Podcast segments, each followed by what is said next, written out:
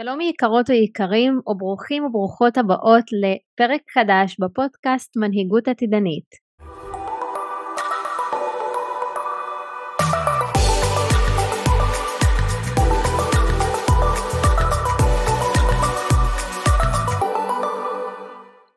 מקווה שאני פוגשת איתכן ואיתכם בטוב. והיום בפרק שלנו אנחנו הולכות והולכים לדבר על משהו מעניין. אבל רגע לפני, אם אתם חדשים כאן, מנהיגות עתידנית היא תוכנית שנועדה לעודד אתכם ואתכן לחקור את עולמכן הפנימי והחיצוני בסקרנות, לשבור תבניות ישנות וליצור חדשות שמתאימות אך ורק עבורכם, לאפשר לכם לשאוף ולחלום בגדול, להחיות את המנהיגות שקיימת בנשמה שלכם, ברוח שלכם, ולחיות את החיים יותר בזרימה, ויחד עם זאת עם אסטרטגיה תודעתית ומעשית אל עבר הגשמת החלומות שלכן ושלכם.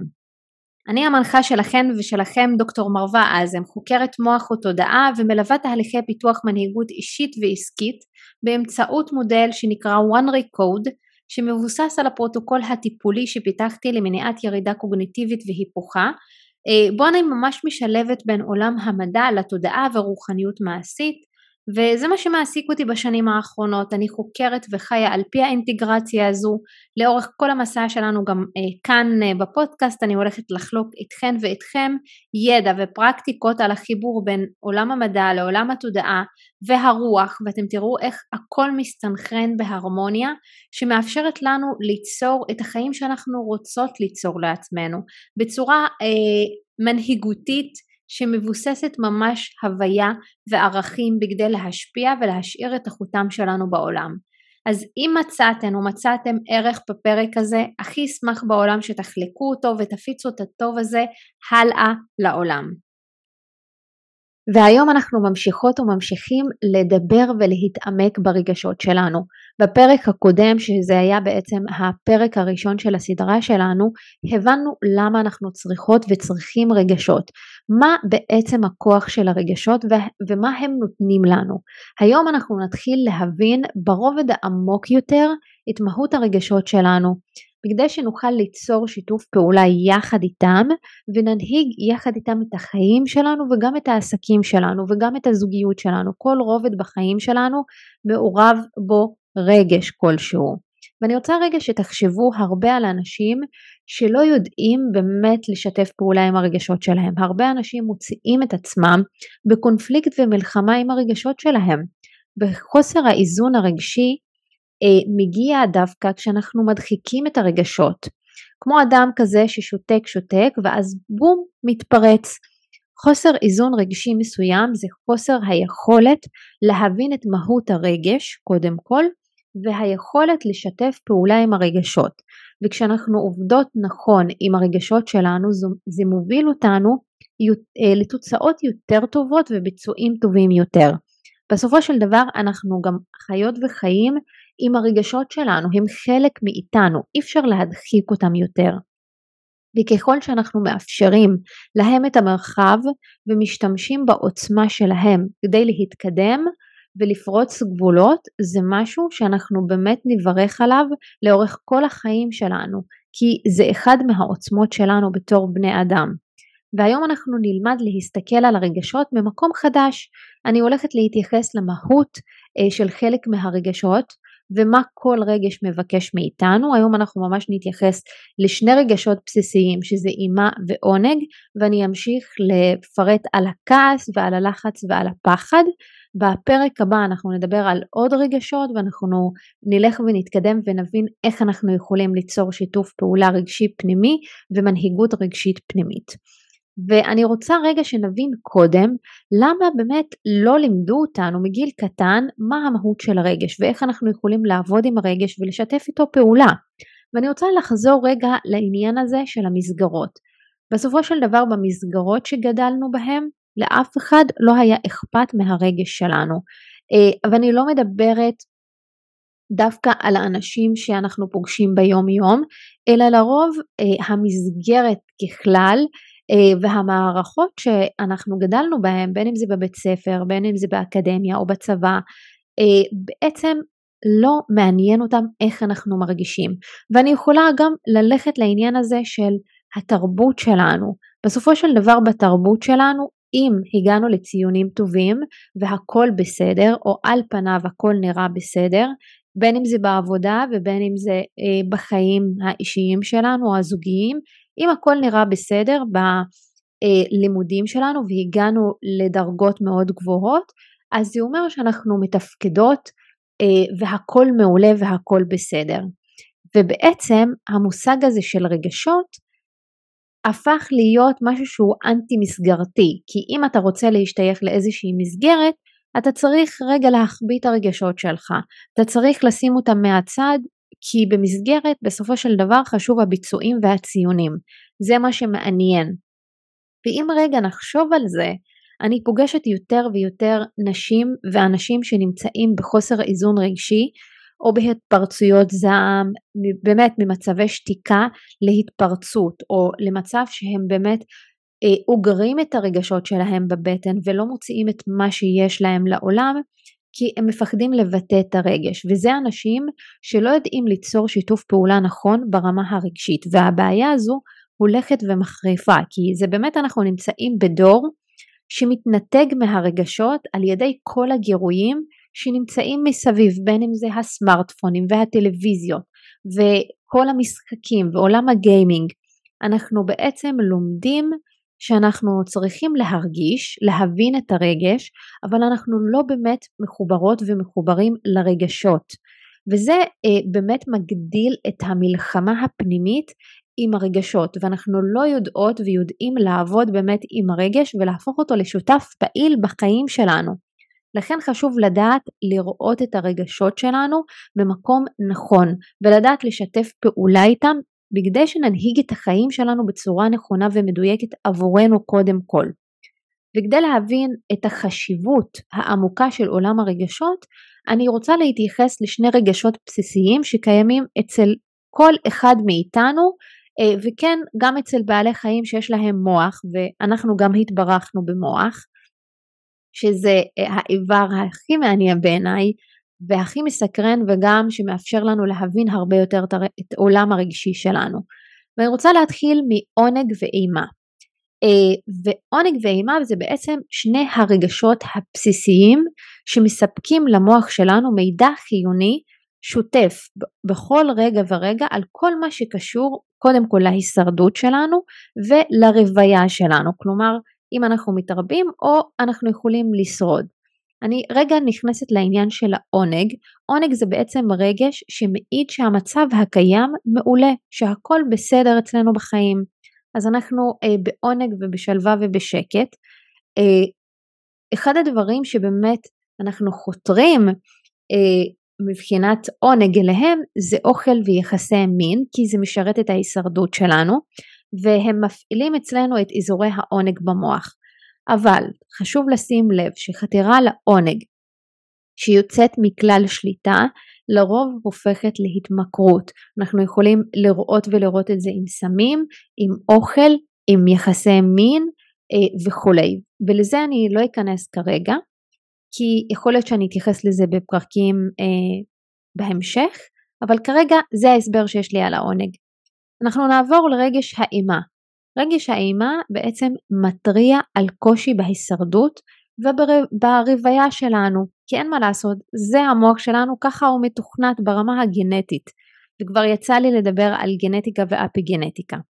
ויש במוח שלנו אזורי עונג ואימה, והמידע הזה שאנחנו מקבלות גם מהסביבה, זורם מהם לאיזשהו מארג של רשתות עצביות שנמצאים במוח שלנו והם מתניעים שלוחות של קשת רחבה של פעילות מנטלית וגופנית. ובמוח שלנו יש אזור ייעודי שנקרא ההיפותלמוס שהוא מחובר לעוד אזור שנקרא האמיגדלה. והתפקיד של ההיפותלמוס הוא להוציא לפעולה את התגובה הנכונה והמדויקת לאיום שכרגע אנחנו חווים. ובמקביל הוא בעצם מקדם הפרשת חומרים כימיים שמאותתים לגוף שלנו שהוא נמצא בהתמודדות מול סכנה והוא צריך להתכונן לדבר הכי גרוע שיש כרגע, לסיטואציה הכי גרועה. בעצם יש להיפותלמוס שתי זרועות ויש פה מושג שאני בטוחה שאתן מכירות ואתם מכירים שזה fight, flight או freeze ויש עוד אחד שאני לא אכנס אליו אבל בעצם זאת הזרוע ההתנהגותית של ההיפותלמוס, שיש שם אסטרטגיות פעולה. וכל אדם שנמצא כאן על כדור הארץ וגם חלק מהחיות, קיימת דומיננטיות לאסטרטגיה מסוימת שבה צריך לפעול. ובמקביל, כמו שדיברנו על ההורמונים, יש את הזרוע ההורמונלית שמפעילה את כל אה, ההורמונים שאנחנו צריכים ביחס לכל אסטרטגיה שאנחנו משתמשים בה. אה, וזה מכניס את ההורמונים למחזור הדם. אני בטוחה שאתן שמעתן על קורטיזול, שזה בעצם הורמון שמופרש לשרירים בשביל שאנחנו נתאים את הגוף שלנו לתגובה שאנחנו רוצות לעשות, וזה משהו שאגב אני אדבר עליו קצת בעניין של הלחץ, ובהמשך אני אצור על זה ממש פרק. כי זה משהו שחשוב שאנחנו נבין אה, איך זה עובד ואיך זה משפיע עלינו באופן יומיומי. וזה מוביל אותי דווקא לשאלה ששואלות אותי נשים כל יום, מה אני עושה עם רגשות שליליים? אבל אני רוצה רגע שתבינו, השאלה הזו היא לא נכונה ולא מדויקת, כי השאלה שאנחנו צריכות לשאול את עצמנו, האם יש דבר כזה שנקרא רגשות שליליים? אחרי שהסברתי לכם את ההסבר הזה, בואו נחשוב על זה שוב. אז מה ההגדרה של רגש שלילי? לרוב אנשים שאני שואלת אותם, מה זה רגש שלילי? הם יענו לי אה, זה כעס, אה, כעס נכון זאת דוגמה לרגש כביכול שלילי, אבל האם באמת יש דבר כזה רגש שלילי? או דווקא הרגש הוא משהו ניטרלי שיש לו השפעה שלילית. אז נכון, אם אני כועסת אני יכולה להרוס לעצמי מערכות יחסים, אז זה יכול להיות רגש שלילי, אבל אם אני כועסת וזה מניע אותי לשנות את המצב שאני נמצאת בו, האם זה עדיין רגש שלילי? בואו רגע נחשוב על זה יחד. לערער בזה, להתבונן בזה, כי זה משהו שהוא חשוב. אז מה שאנחנו מתארות ומתארים כרגש שלילי, זה לא הרגש, כי הרגש הוא נייטרלי. מה שאנחנו מתארות ומתארים זאת ההשפעה של הרגש, שלפעמים היא יכולה להיות שלילית ולפעמים היא יכולה להיות חיובית. ואיפה ההשפעה הזו נמצאת? אנחנו אלו שמשפיעות ומשפיעים. ההשפעה הזו תלויה בנו והיא לא קשורה לרגש. הרגש יכול להניע אותנו לכל השפעה שהיא, אבל בסופו של דבר מי שיוצר את ההשפעה זה אני, את ואתה, זה אנחנו. אז למה לקרוא לרגש רגש שלילי? הוא רק נותן לי את האנרגיה ואת העוצמה בכדי לפעול. כמו שאומרים למשל כסף משחית, אבל כסף הוא משהו ניטרלי, זאת אנרגיה ניטרלית, ומי שמשתמש בכסף מחליט איך להשתמש בכסף, אז אפשר לקחת את זה לכאן או לכאן. מה כן יש? יש רגש נעים ורגש לא נעים, וכאן יש מי שמרגיש לא נעים, לרוב יכניס את זה למסגרת של רגש שלילי. ואני רוצה שאנחנו נתחיל דווקא לעבוד על הנקודה הזו ועל התפיסת עולם הזו, האם הרגש שאני חווה כרגע הוא, הוא רגש נעים או רגש לא נעים, ולאו דווקא להתייחס אליו כרגש או להכניס אותו למסגרת של השליליות. ולרוב זה יפגוש אותנו בפיתוח הרגלים ואני פוגשת את זה עם נשים וגברים שאני מלווה זה לא נוח לנו לרוב להגדיל את אזור הנוחות שלנו. לא תמיד כיף להגדיל את אזור הנוחות שלנו. לדוגמה, בעלת עסק שיודעת שהיא צריכה לפתח מערכות יחסים ברשתות החברתיות, אבל לא תמיד נוח לה לבוא ולפתח שיחה או לחשוף חלקים בתוכה. האם זה אומר שזה דבר שלילי או הרגש שעולה לה כרגע זה רגש שלילי? זה שזה לא נעים זה לא אומר שזה שלילי ולכן אנחנו צריכות לבחון את המושג של רגשות שליליים. ואחת מהנחות היסוד שלי, קודם כל מההיכרות שלי עם המוח שלנו ועם הדרכי פעולה שלנו להתמודד עם סיטואציות בחיים, אני לגמרי מאמינה שאין דבר כזה רגשות שליליים. כל רגש שמגיע הוא מגיע מתוך מטרה חשובה ומהותית. אנחנו לא כל הזמן נשתמש ברגש שלנו באופן חיובי וזה בסדר וזה משהו שהוא נורמלי וטבעי לנו. אבל אנחנו רוצות ורוצים להבין ולהכיר את הרגש בכדי שאנחנו נדע להשפיע בצורה אחרת. ואנחנו קודם כל רוצות להבין שכל רגש ללא ספק נחוץ, כי אם לא היה נחוץ הוא לא היה קיים. אני תמיד יוצאת מנקודת ההנחה הזו, כי זה חשוב לי שגם אתן תבינו את זה ואתם תבינו את זה. ולכן אני קוראת לזה להנהיג את הרגשות ולא לשלוט ברגשות כי ככל שאני אנסה לשלוט ברגשות יקום רגש אחד וינסה לשלוט בי כי כשאני מכירה גם את הכוח של הרגש שלי את האנרגיה שהוא מעניק לי כי כל רגש גם יש לו אנרגיה שהוא מעניק לי אני יכולה ללמוד איך ליצור בזכותו השפעה חיובית.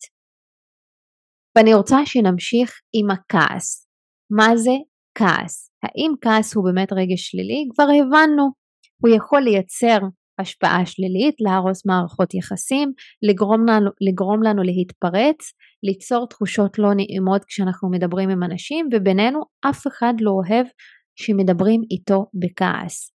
לכעס יש אה, בסופו של דבר מטרה חיובית, והמטרה של הכעס היא להגיד לנו שיש מישהו שעבר על אחד החוקים שלנו, כי אנחנו חייבות מערכת פנימית שתגיד לי שיש לי חוקים שחשובים לי, שיש לי גבול כרגע שנחצה ואני חייבת לדעת את הגבול הזה ולדעת איך לשמור עליו בפעם הבאה.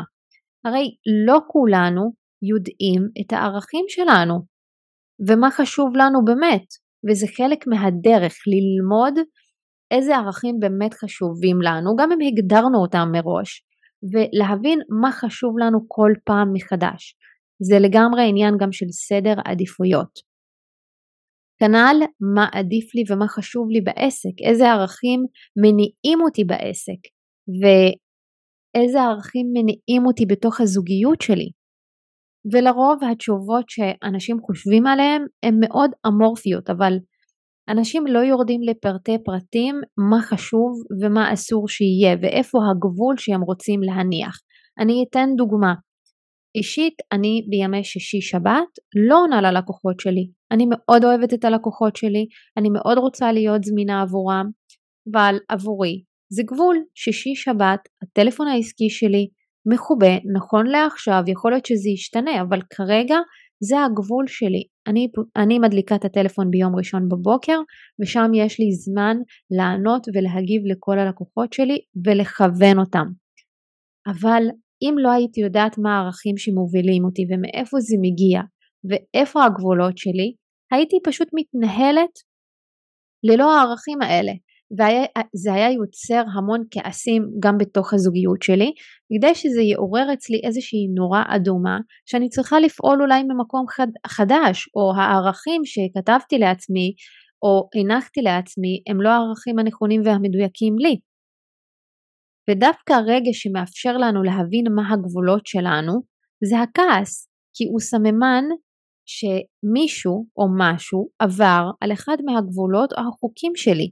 וזאת אנרגיה לרוב עולה, שזה משהו דווקא מפעיל אותנו. ולמה אנרגיה עולה? בכדי שנעשה שינוי. וברמה ההישרדותית המוח משתמש באנרגיה של הכעס כדי לפעול ולהגן על הטריטוריה שלנו. אם מישהו פרץ למשל לשבט שלנו בעבר, זה דרש מאיתנו הרבה מאוד אנרגיה. תחזרו רגע להיפותלמוס ותבינו למה זה אנרגיה עולה. כדי להיות עם מרץ להילחם. הרבה אנשים כועסים גם על הכעס של עצמם והם לא מבינים שהם כועסים על הנורה האדומה ואני תכף אה, אתן את זה ככה כמטאפורה שאם אני עכשיו נוסעת ברכב והנורה האדומה של הדלק אה, מתחילה להידלק ובעצם אני אתחיל לצעוק על האוטו איזה אוטו מטומטם, מה הנורה הזו דולקת, זה מפריע לי לנסוע, אני לא מבינה מה זה הדבר הזה, למה הנורה הזו נדלקה, בעצם הנורה הזו באה להגיד לי, לכי תמלאי דלק בצורה מאוד פשוטה. והנורות האדומות האלה הן הנורות שעוזרות לנו להבין מה קורה בתוך הנפש שלנו, מה הנשמה מבקשת מאיתנו כרגע. וכאן בעצם זה מה שעוזר לנו להבין שמישהו עבר על אחד החוקים שלנו ובגלל זה אנחנו מקבלות אנרגיה כדי לאכוף את החוקים וכדי לשנות משהו בחיים שלנו שלא תואם לערכים הפנימיים שלנו. ולכן כשאתם חווים כעס, במקום להילחם בכעס, במקום לצאת נגד הכעס, במקום להדחיק את הכעס, זה הזמן להתחיל לעשות אחד משתי האופציות הבאות. אחד, להגדיר מחדש את החוקים שלכן ושלכם, כי לפעמים יש חוקים שהם לא נכונים לנו וגם לא באמת שומרים עלינו, הם לא נחוצים לנו, זה משהו שאולי הורגלנו אליו או משהו שראינו במשפחה שלנו, אתן זוכרות? וזוכרים שבפרק הראשון שאמרתי שאנחנו מתעצבים בעצם עד גיל חמש ברמה המוחית ואז אחר כך זה אה, גיל ההתבגרות שלנו, אז אני אתן דוגמה כאן. ושוב מעסקים, מנשות עסקים שמתחילות למשל לשווק ברשתות החברתיות ולרוב הן באות אליי והן כועסות למה הפוסט הראשון לא קיבל כל כך הרבה תגובות ואם הוא קיבל כל כך הרבה תגובות אז אף אחד לא התעניין בשירות שלהן ואז הן כועסות, הן כועסות מה? אני השקעתי, אני עשיתי אבל אף אחד לא ראה ואף אחד לא בא בעצם זאת תבנית מחשבתית וחוק שנמצא אצלה בתוך המוח שנוצר וזה אומר שמחייב שכל אדם שרואה את הפוסט יגיב על הפוסט או יתעניין בשירות אבל האם זה חוק שאמור באמת להכעיס אותך? האם זה חוק שמקדם אותך? בעצם אותה בעלת עסק יכולה בזכות הכעס להבין שזה החוק שלה קודם כל, שהוא לא בהכרח יהיה לה טוב לחיים או לעסק, שהוא לא בהכרח יהיה אפקטיבי ושהוא לא יקדם אותה, לא בעסק ולא בחיים שלה, או ישמור עליה, וזאת רגע הזדמנות לבחון מחדש את החוקים שלה ולראות בכעס הזה כאינדיקציה כדי ליצור שינוי, כי יכול להיות שאם היא תמשיך להיות כפופה לחוק הזה, היא לא תמשיך לכתוב והיא תעצור ואחד התרגילים שאפשר להתאמן עליהם ברגע שאנחנו עוברות סיטואציה כלשהי אה, שבה אנחנו כועסות וחוות כעס, בעצם רגע לתת לכעס הזה להיות נוכח, לאפשר לו מקום, ואחרי שאנחנו נרגעות, לנצל את ההזדמנות הזו ולהקדיש זמן להתבונן על הסיטואציה שבה חווינו כעס. להתבונן רגע על הכעס וקודם כל על החוק הזה שהוא מייצג ועל סט הערכים שגרמו לנו לכעוס שם על הגבולות האלה שנפרצו באותו רגע. ובעצם לשאול את עצמך האם ההגדרה של החוק הקיים הזה שזיהיתי או התבנית המחשבתית הזו שזיהיתי שם שקיימת משרתת את החיים שלי? האם החוקיות הזו מקדמת אותי לצעד הבא שלי או שלא? ואם לא, אז מה כן מקדם אותי? אילו ערכים חדשים אני רוצה אה, ליצור לעצמי ואיזה חוקים חדשים אני רוצה לייצר לעצמי ברמה המודעת שכן מקדמים אותי. והאופציה השנייה זה שינוי ואכיפת החוקים שלנו או במילים אחרות הצבת גבולות. אם אדם אחר בין אם זה במערכות יחסים בחיים שלנו או בעסק לא רואה אותנו לצורך הדוגמה ואנחנו מרגישות שאנחנו חוות איזושהי השפלה או דרך ההתנהגות של אותו אדם לא מכבדת אותנו ואנחנו מרגישות לא ראויות שם, הגיע הזמן לומר את האמת, קודם כל בצורה מאוד מכבדת ולעצור את אותו אדם או אותה אישה בנימוס ולומר סליחה, הדרך הזו שבה את מתנהגת לא מקובלת עליי. האם זה ברור? ופשוט לבוא ולומר את האמת שלנו ולשים את הגבול בצורה באמת מאוד נעימה ויכול להיות שבהתחלה לא יהיה לנו נעים כי אנחנו לא רגילות לעשות את זה, אבל כן ללכת ולאכוף את החוקים של עצמנו, ללכת אחרי הערכים של עצמנו ופשוט ליהנות מזה שיש לנו סט ערכים ואנחנו מודעות אליו ואנחנו עכשיו מתנהגות לפי הערכים האלה. וזה אומר להשתמש באנרגיה המתפרצת הזו של הכעס כדי לשמור על הגבול שלנו במערכות היחסים. וכן, זה שוב עניין של תרגול ואימון יומיומי, כי כעס גם מאפשר לנו להבין את הגבולות שלנו, לחקור ולבחון אותם, ולשמור על הגבולות שהצבנו לעצמנו ועבור עצמנו. ולכן כעס הוא לא רגש שלילי, אלא רגש מופלא, שחשוב שנדע לשתף איתו פעולה כדי להנהיג את החיים שלנו וגם את העסקים שלנו.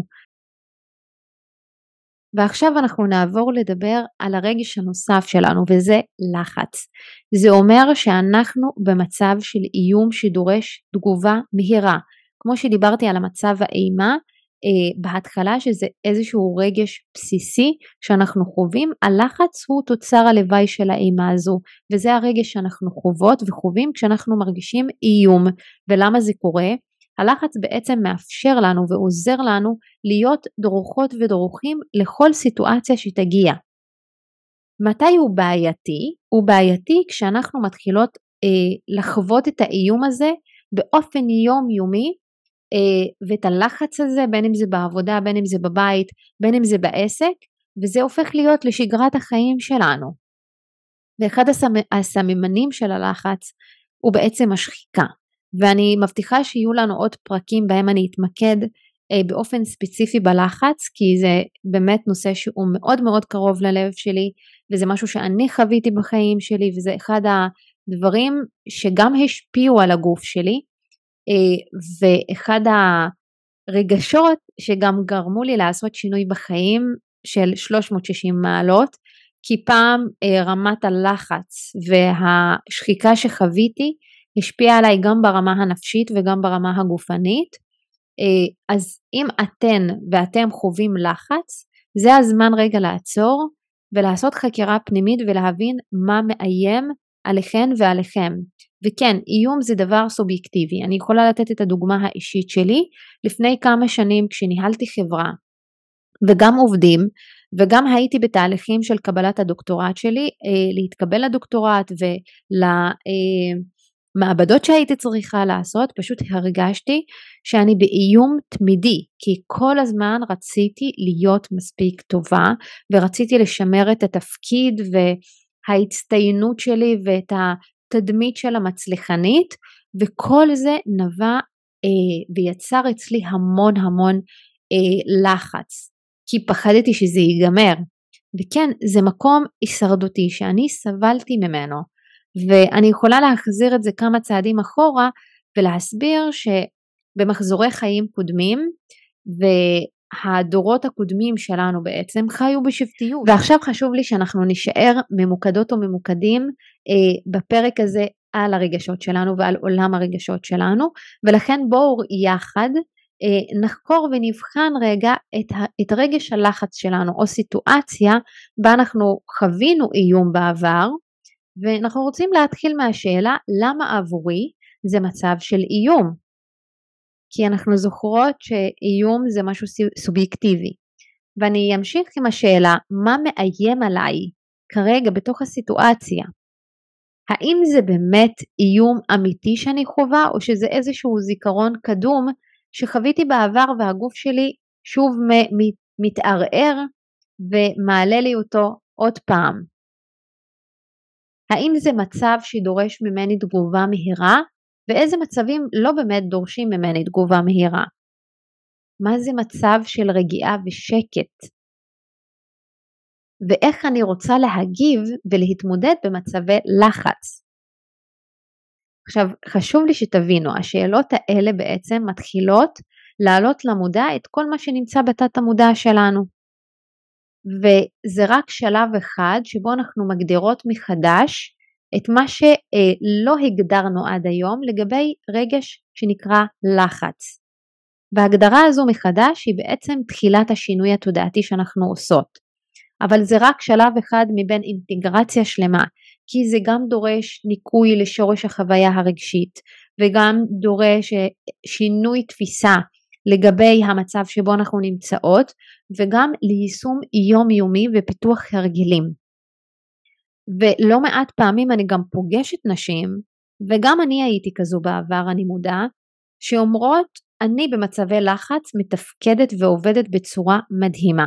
ואז מה שקורה הן דוחות הכל לדקה ה-90 כי ברגע האחרון זה מצב של fight או flight ויש הרבה מאוד אנרגיה וכשהאנרגיה עולה אז זה נותן לנו את היכולת לפעול.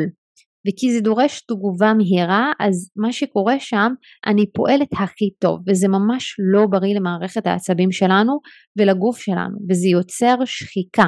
כשנשים מרגישות אובר עייפות זה מגיע מתוך המקום הזה. ודווקא כאן אנחנו רוצות ללמוד להגיע לביצועים C ללא מצב fight or flight, ברגעים שאנחנו רגועות, שאנחנו שליבות, ממקום מאוזן. ועכשיו בואו נעבור לפחד. פחד הוא רגש שכל כך חשוב שאנחנו נלמד לשתף איתו פעולה, כי רוב האנשים או שנלחמים בפחד או שמפחדים מהפחד, כי גדלנו בסביבה כזו ובתרבות כזו שאומרת לנו אל תפחדו, תפסיקו לפחד, אין ממה לפחד. ואז אנחנו מגיעות ומגיעים למצב של קונפליקט פנימי ומלחמה פנימית עם הרגשות שלנו וזה באמת דבר בעייתי כי ככל שאנחנו נדחה את הרגשות שלנו ובמיוחד הפחד הוא יגיע בעוצמה הרבה יותר גבוהה וינסה להילחם איתנו.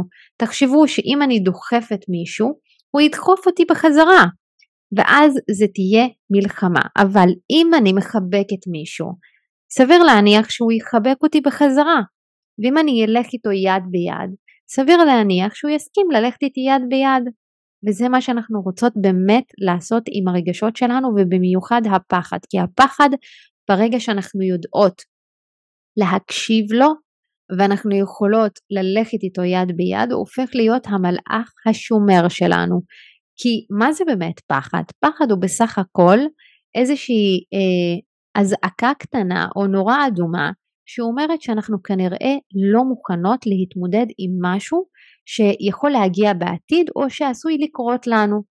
ובגלל זה הוא כל הזמן שומר אותנו דרוכות ודרוכים במידה מסוימת.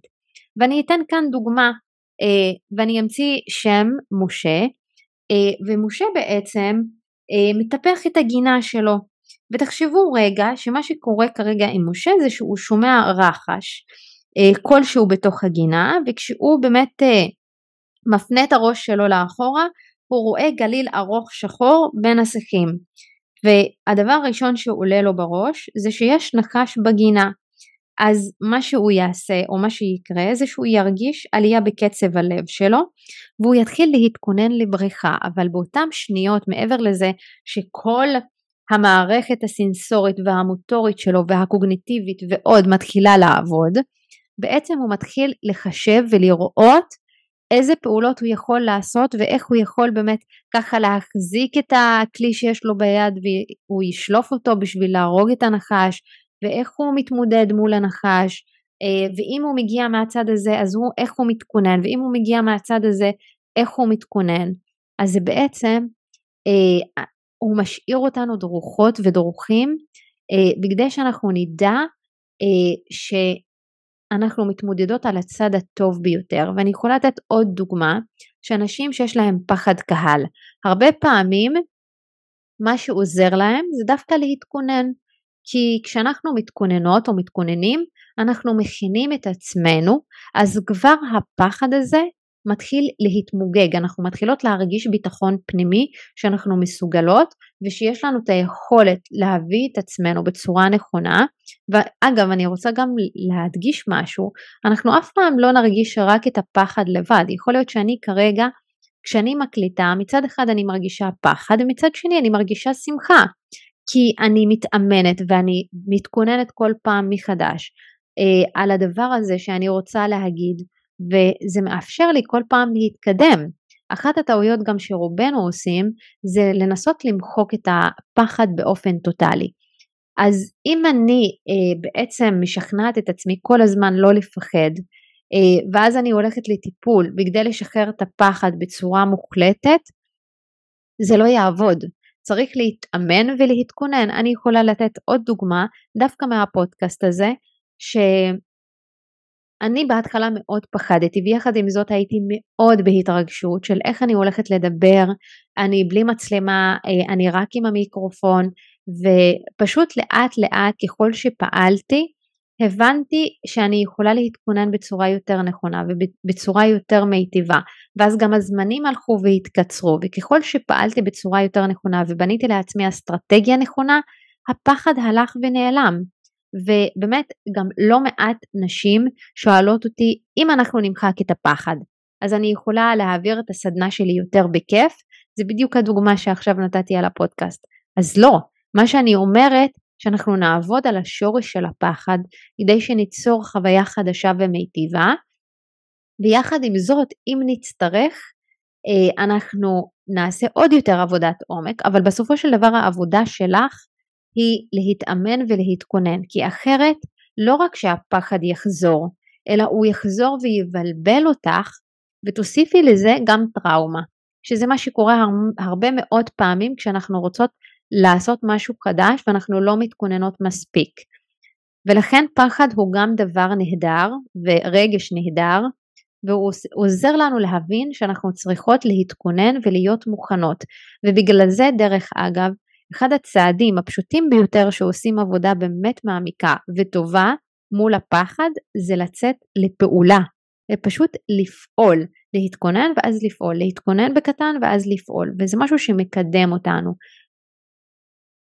ויש ספר מצוין של סוזן ג'פריס שנקרא תרגיש את הפחד ותעשה את זה בכל זאת ואם אני אתמצת את זה בצורה מאוד פשוטה אה, הוא מדבר על זה שפעולה אחת יכולה להפחית את הפחד. עצם הפעולה שלנו מפחיתה את הפחד אה, כי כשאנחנו בעצם מפחדות אז יש לנו הרבה מאוד סרטים בראש והמוח שלנו לא זמין לפעול אז בעצם אנחנו נשארות מאחור בפחד ואנחנו לא מתקדמות אז מה שסוזן ג'פרס בעצם באה ואומרת, אם אני מרגישה את הפחד זה מעולה, אני ממשיכה לפעול יחד עם ההרגשה של הפחד. ועצם הפעולה שאני עושה, היא משדרת לגוף שלי ולתת המודע שלי שאין לי ממה לפחד. כי הנה פעלתי, אני בטוחה, אני מסוגלת, וכנראה שאני מוכנה יותר ממה שחשבתי. אז כבר הפחד מתחיל להתפוגג מעצמו. ולפעמים באמת הפתרון לפחד זה לפעול, זה לקחת צעד אחד קדימה. לכן פחד במקום להילחם בו, במקום להדחיק אותו או להתעלם ממנו, צריך באמת לבדוק עם עצמנו איך אנחנו יכולות להיות יותר מוכנות אה, ומה באמת מפחיד אותי. אה, זה יכול להיות שיווק העסק למשל או שיחת מכירה, זה יכול להיות שינוי תודעתי תזונתי וזה יכול להיות שינוי ברמה המקצועית. אז כאן השאלה שאני רוצה שתשאלי את עצמך, איך אני יכולה להתפתח? איזה כישורים מיוחדים אני רוצה לפתח כדי לעשות עוד צעד קדימה, יחד עם הפחד. ואם יש לי פחד לעשות שיחות מכירה, לדוגמה, ככל שאני מתאמנת לדבר עם מתעניינות בתוכניות ליווי שלי, אני לומדת קודם כל אותן, אני לומדת אותי, ואני משפרת את היכולות המכירה שלי, ואז אני משנה את התבניות שיש לי בנוגע לשיחות מכירה. ולומדת כל פעם מחדש אה, מספרים ומהרצאות איך אני יכולה לעשות את זה יותר טוב ואז אפשר לגלות גם את הכישורים המיוחדים שיכולים לאפשר לי להוביל שיחות כאלה וגם אה, לגרום לאנשים להפוך להיות לקוחות שלי ממקום שהם באמת מאמינים שאני יכולה לעזור להם. אז לאחר שהבנו את מהות הפחד, איך אנחנו יכולות אה, להתקדם ולפעול יחד עם הפחד, הגיע הזמן שנסכם את הפרק שלנו. ואת האמת שאני לא מאמינה שאנחנו מגיעות ומגיעים לסיום הפרק הזה, כי יש לי עוד רגשות שאני רוצה לדבר עליהם ואנחנו נדבר עליהם בפרק הבא שלנו, אבל בואו רגע נסכם את מה שדיברנו עליו היום. התחלנו מלהבין שבעצם למה לא למדנו אה, להתמודד ולעבוד עם הרגשות ולשתף פעולה עם הרגשות שלנו מגיל קטן. הבנו בעצם שהמסגרות שגדלנו בהן הן מסגרות שמקדשות ציונים וביצועים יותר מאשר רגש ולא רואות את הרגש כחלק מהאינטגרציה וכן מנהיגות אינטגרטיבית מכניסה את זה אל תוך האינטגרציה של החיים שלנו כי העוצמה של הרגש מאפשרת לנו דווקא להיות בביצועים טובים יותר ובתוצאות טובות יותר. אה, לאחר מכן התחלנו לדבר על שני הרגשות הבסיסיים שזה העונג והאימה וסיפרתי לכם קצת על ההיפותלמוס והאמיגדלה ואיך זה עובד אה, במוח על שלוש האסטרטגיות ועל הזרוע ההורמונלית שנמצאת במוח שלנו שמפעילה אותנו גם רגשית. לאחר מכן הבנו מה מהות הכעס שלנו שבעצם הכעס בא ללמד אותנו משהו על החוקים שלנו, על הערכים שלנו ומאפשר לנו להציב גבולות גם עבור עצמנו וגם עבור אחרים שנמצאים בחיים שלנו ובמערכות יחסים שאנחנו נמצאות ונמצאים בהם. לאחר מכן דיברנו על הלחץ למה לחץ מניע אותנו ודווקא איך להימנע ממצבי לחץ ואנחנו רוצות ורוצים לחקור יותר את הסיטואציות המלחיצות בחיים שלנו כדי שנדע להתמודד בצורה מיטיבה איתנו וגם ללמוד להיות ברוגע ובשלווה ופחות להישחק בחיים שלנו. אה, והדבר האחרון והרגש האחרון שדיברנו עליו זה היה הפחד. אה, והפחד אה, שהוא רגש באמת עוצמתי שאנחנו יכולות ויכולים להפוך אותו למלאך השומר שלנו ובמקום לפחד ממנו פשוט לפעול יחד איתו. אז כחלק מהסיכום אנחנו כבר מבינות ומבינים שהמבנה של המוח שלנו מאפשר לנו ומראה לנו שהרגשות הם ניטרלים ומה שבסופו של דבר קובע אה, האם הרגש פועל בצורה שלילית או חיובית כי אין באמת כזה דבר רגשות שליליים זאת ההשפעה שאנחנו יוצרות ויוצרים. וכאן מגיעה המהות של המנהיגות להבין שיש לנו את הכוח להשפיע דרך הרגשות שלנו כל פעם ממקום חדש ובדרך אחרת ואנחנו אלו אה, שקובעים וקובעות איך להשתמש בכוח ובעוצמה של הרגשות שלנו. אז עד כאן להיום ונתראה בפרק הבא שלנו שבו אנחנו נדבר על עוד רגשות ונבין את המהות שלהם ואני באמת מבקשת מכן ומכם, כל מי שלמד משהו, אה, אפילו דבר אחד ממה שדיברתי עליו היום בפרק, אני אשמח שתשתפו את זה ברשתות החברתיות, בפייסבוק, באינסטגרם. אם יש לכן או יש לכם שאלות, אתם תמיד מוזמנים ומוזמנות לכתוב לי במייל, אה, אני שמה את כל הכישורים כאן מתחת לפודקאסט, ואתן באמת יכולות לדבר איתי ולשאול אותי שאלות, להפיץ את כל הטוב הזה לעולם, אה, ואנחנו נתראה בפרק הבא שלנו. שיהיה לנו שבוע טוב.